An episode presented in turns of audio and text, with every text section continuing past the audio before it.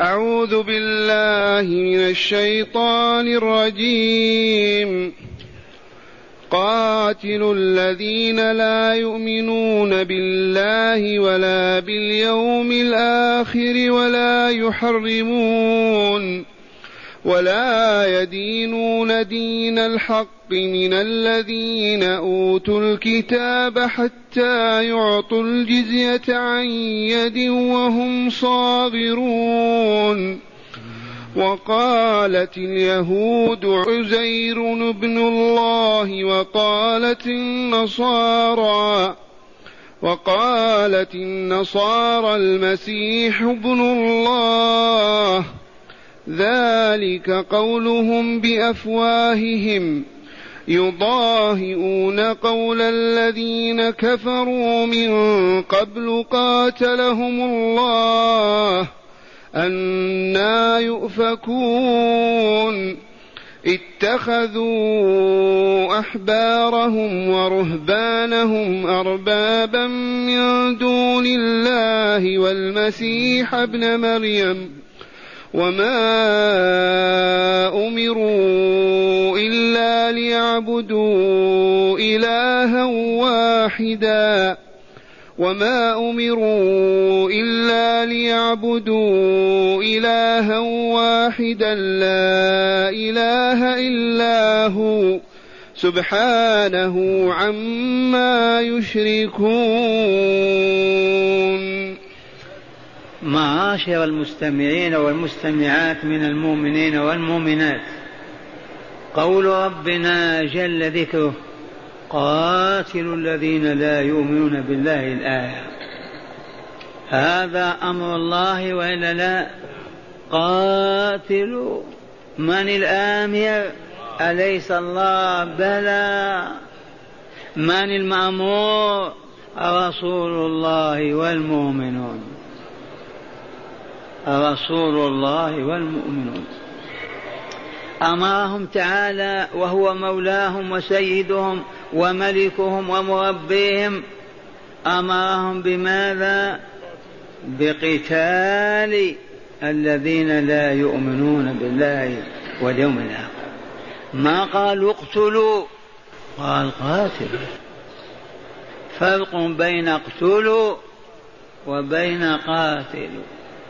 تقدم بالأمس أن الله عز وجل وعدهم بأن يرزقهم انهم صبروا عن منع المشركين من الحج والعمرة. ففتح لهم باب المال ففضلوا. قاتلوا الذين لا يؤمنون بالله ولا باليوم الآخر. ولا يحرمون ما حرم الله ورسوله ولا يدينون دين الحق من الذين أوتوا الكتاب حتى يعطوا الجزية عن يد وهم صاغرون. هذا باب الغنى.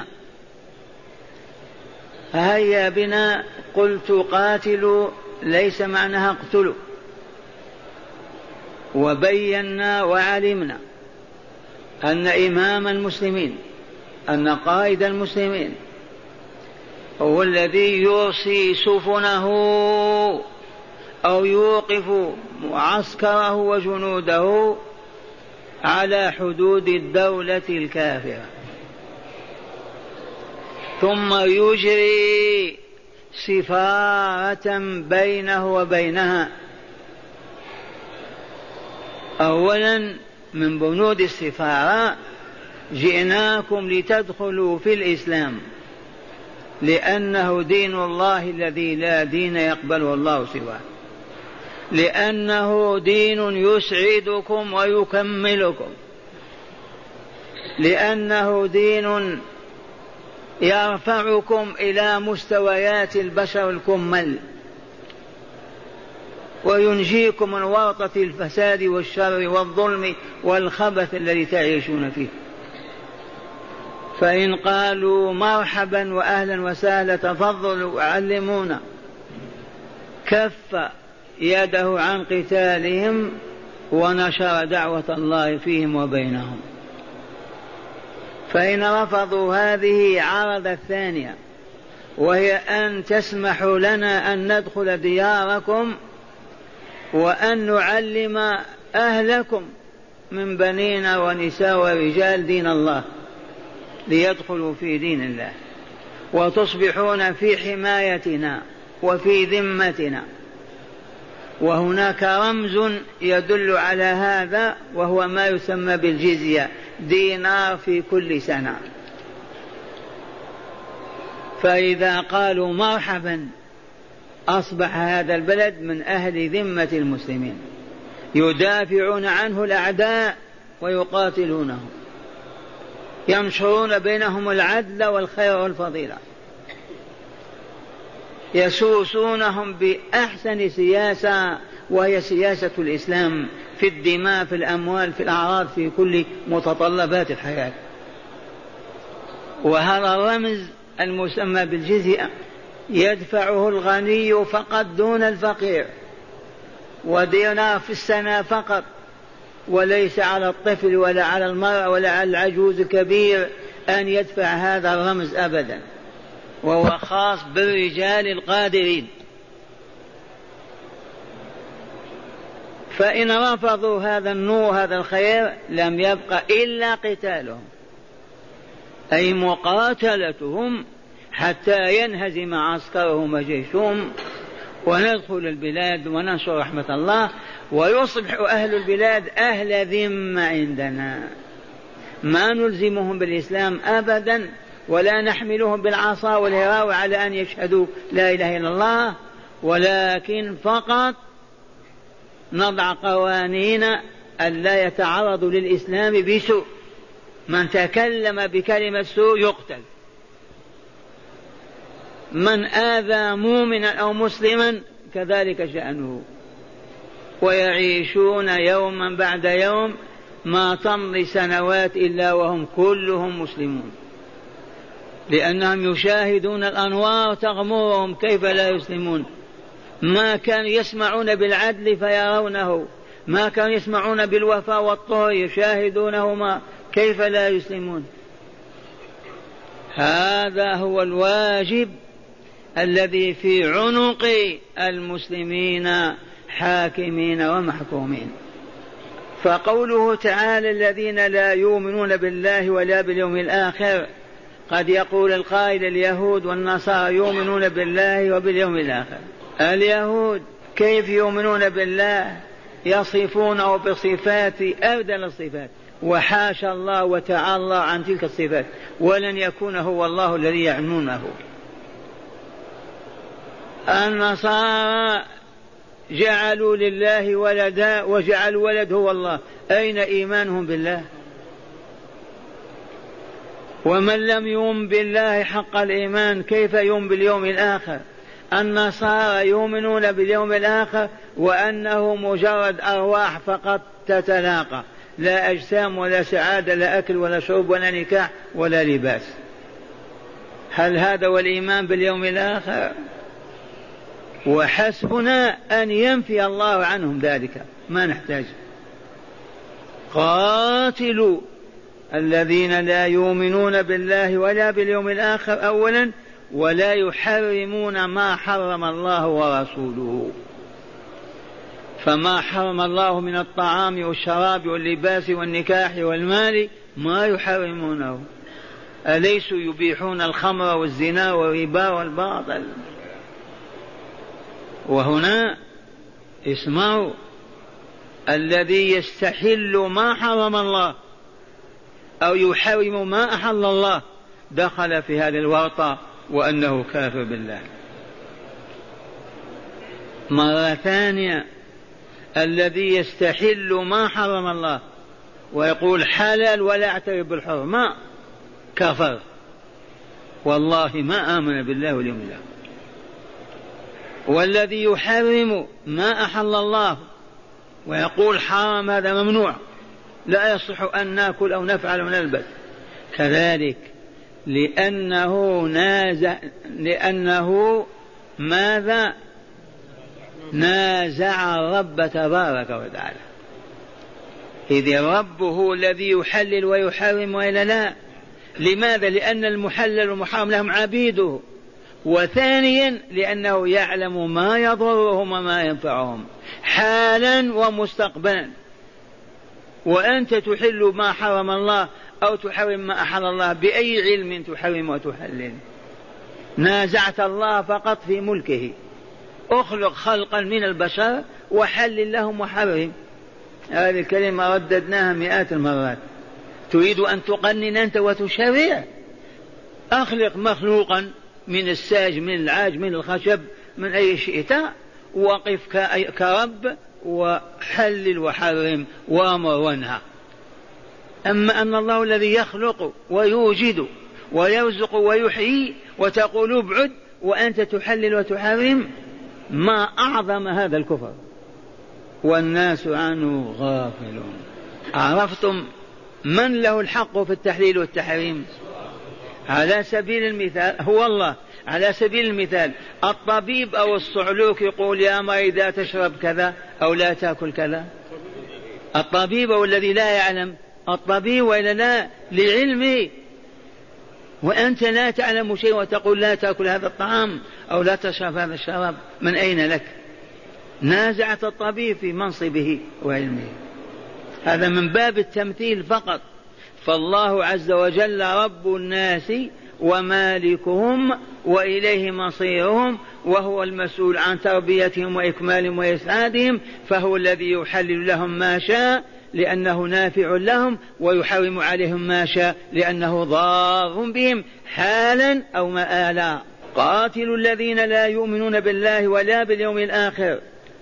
وقد تكرر القول وعلمتم معشر العلماء أن أركان الإيمان الستة أعظمها الإيمان بالله واليوم الآخر.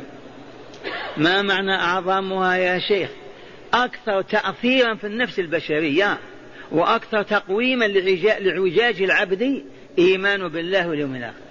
فإن فقد أو ضعف إيمانه بالله وباليوم الآخر ما يستطيع أن يقيم الصلاة. ما يستقيم ما يقوى أبدا. أو ما فهمتم. وذكرت لكم الآيات الكريمة. أما قال تعالى إن كنتم تؤمنون بالله والآخر فلا تفعلوا كذا.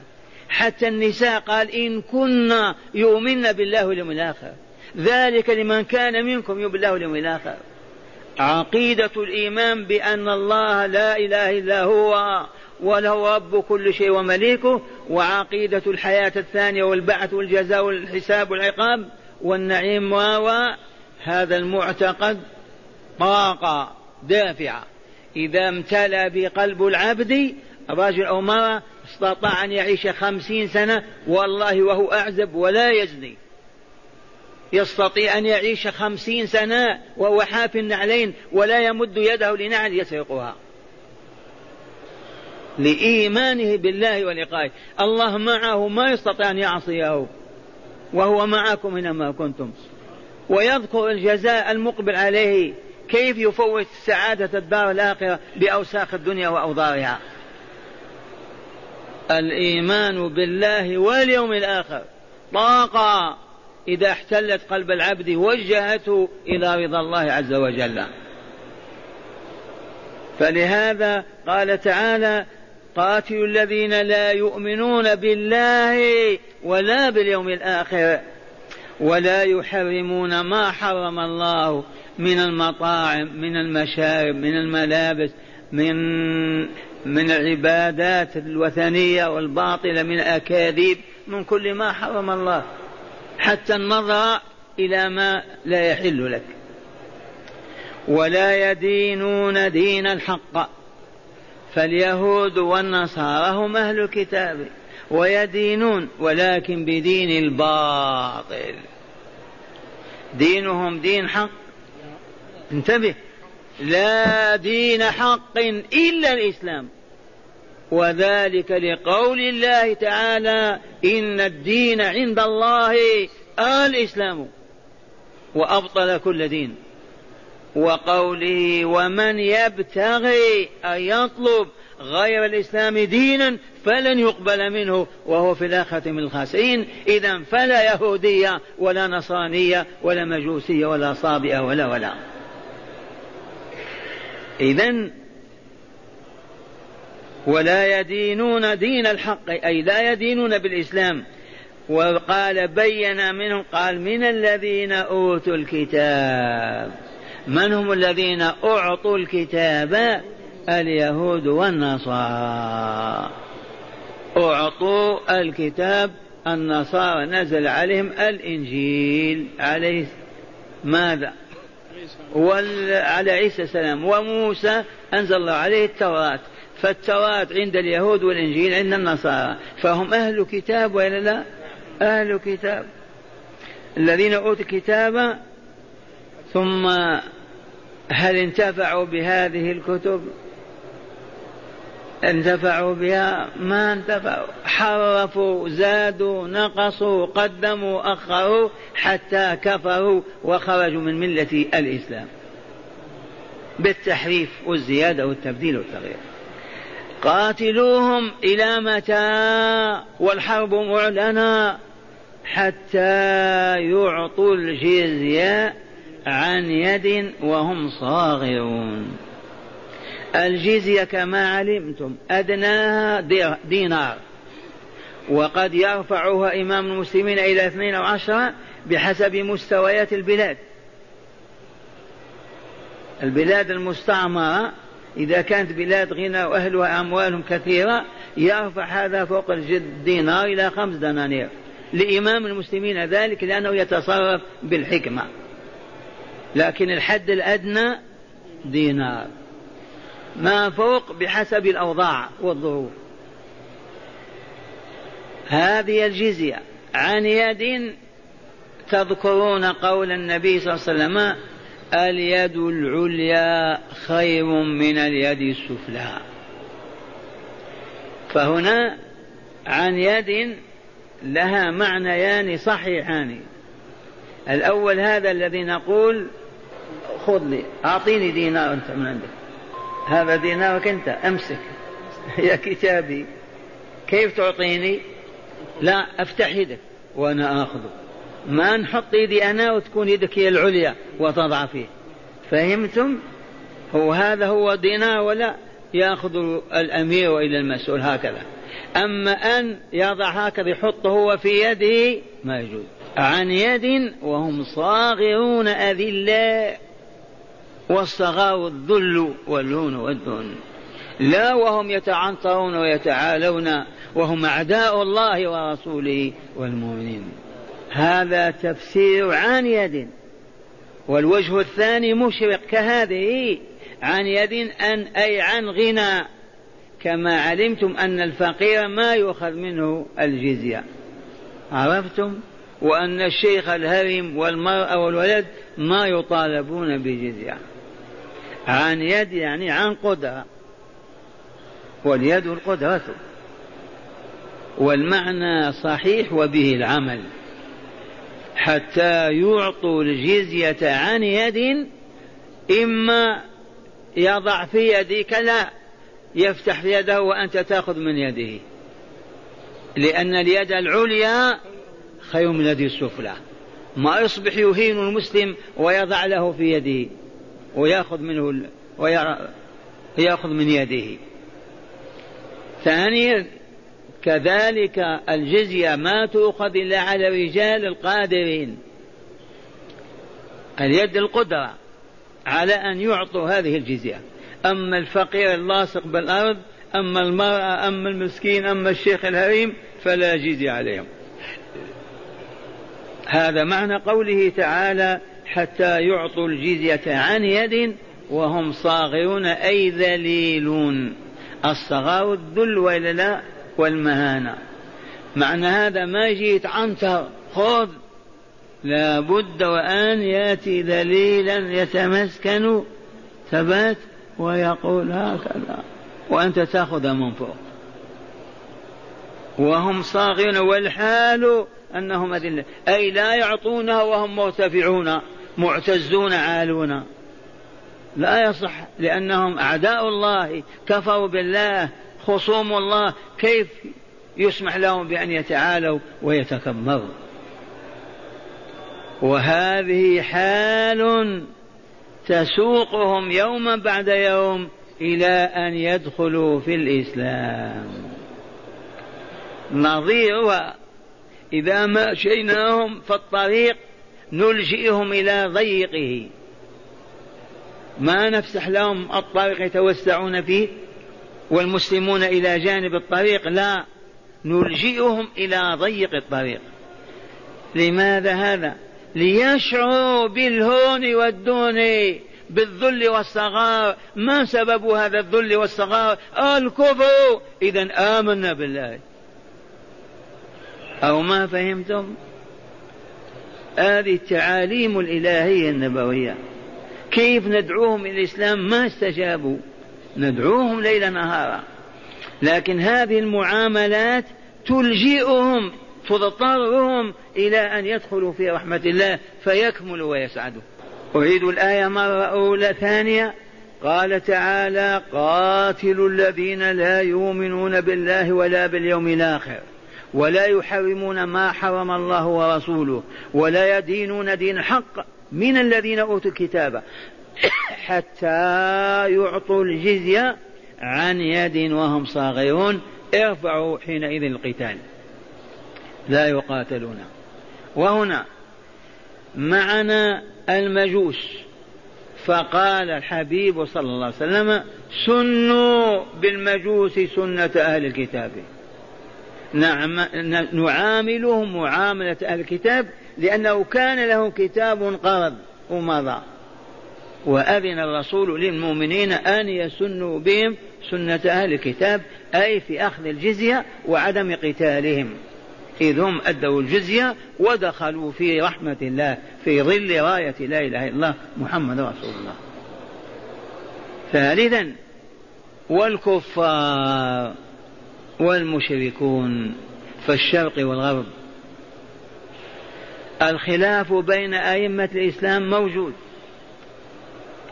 وشيخكم يقدم لكم ما هو أقرب إلى الحق والصواب بعد الاطلاع. أولا كافر مشرك في الجزيرة لا يقبل منه جزية أبدا ولا ولا إلا أن يقتل أو يسلم أو يخرج.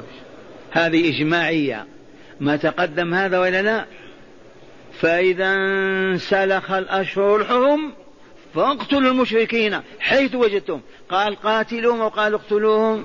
فاقتلوهم لأن الدار دار إسلام وبيضة الإسلام وقبته. يجب أن لا يبقى فيها مشرك أبدا. والمشرك كافر. إذا الجزيرة بيضة الإسلام يقاتل فيها المشرك يقتل. ما تؤخذ منه دية أو جزية ويبقى لا القتل. ارتد اقتلوه.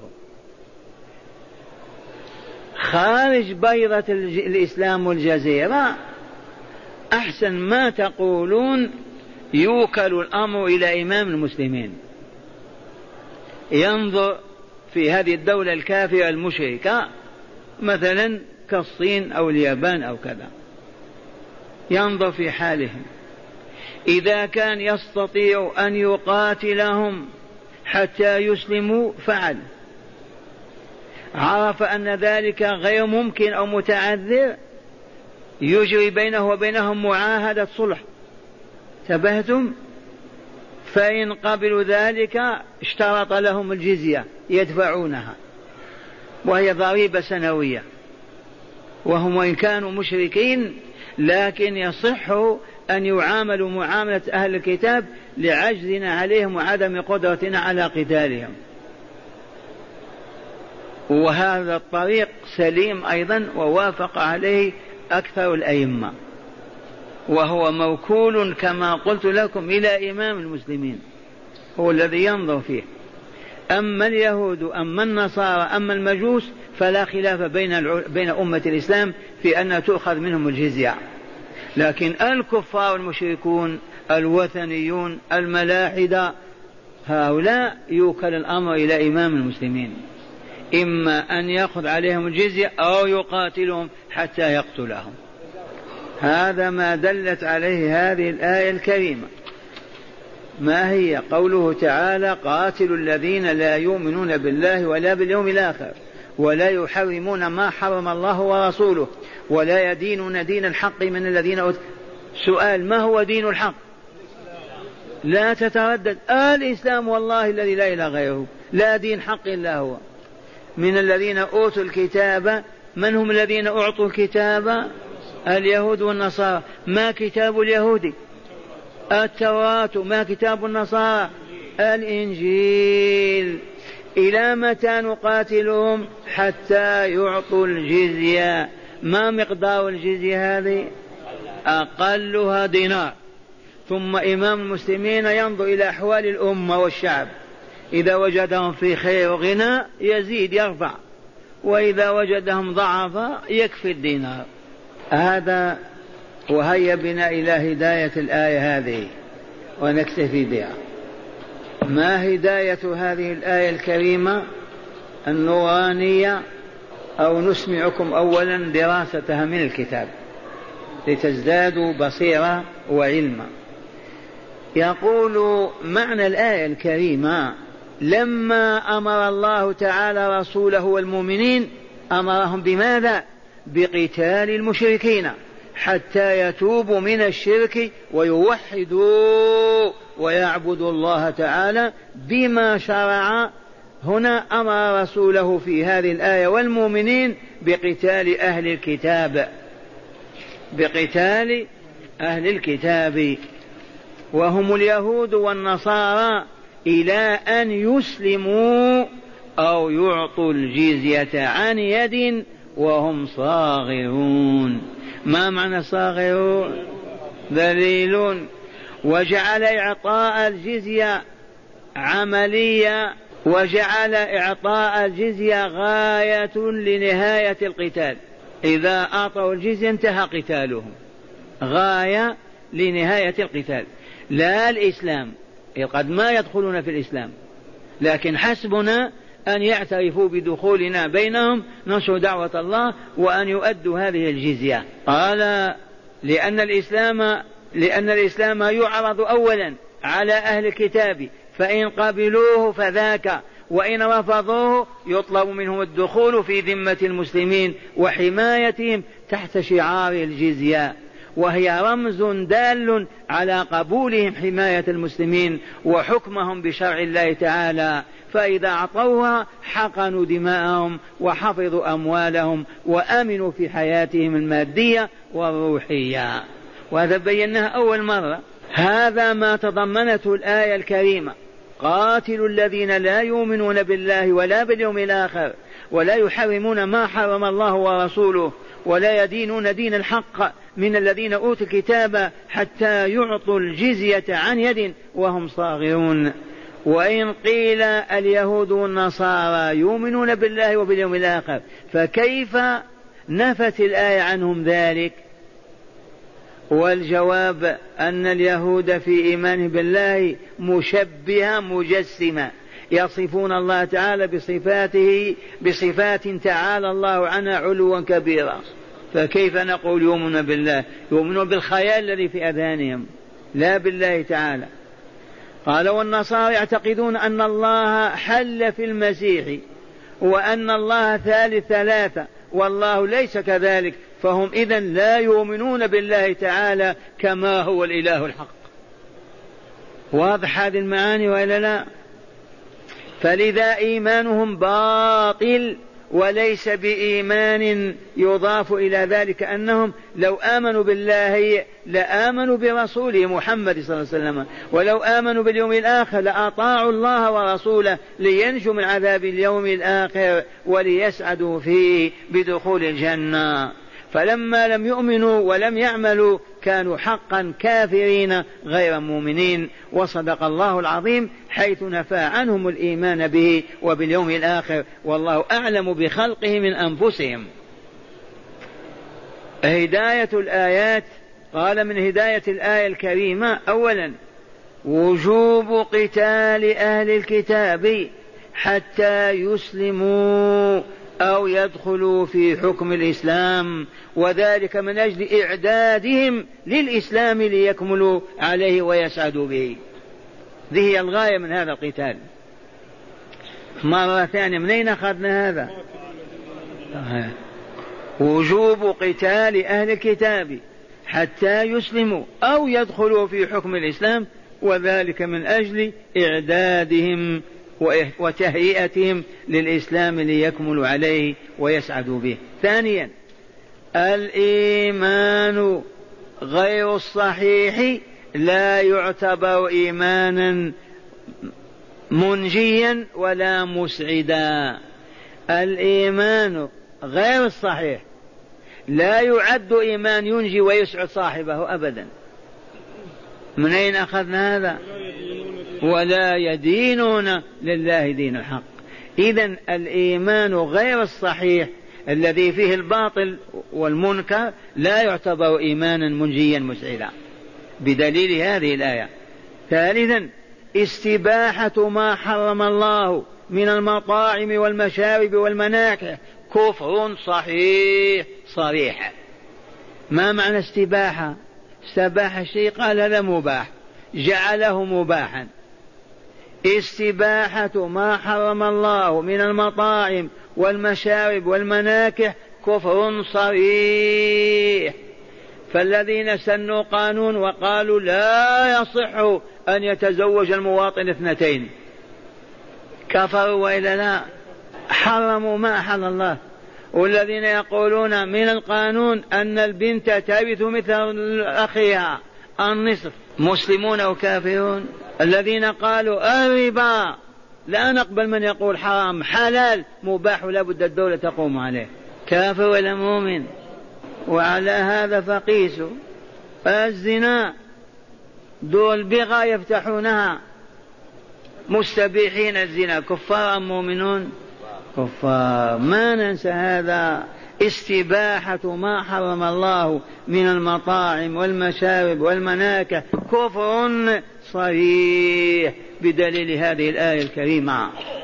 مشروعية أخذ الجزية من أهل الكتاب.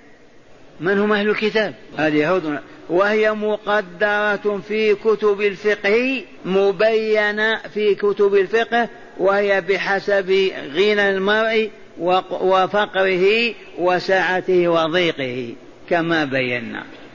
الحد الأدنى دينار والزيادة ممكنة بحسب الحال.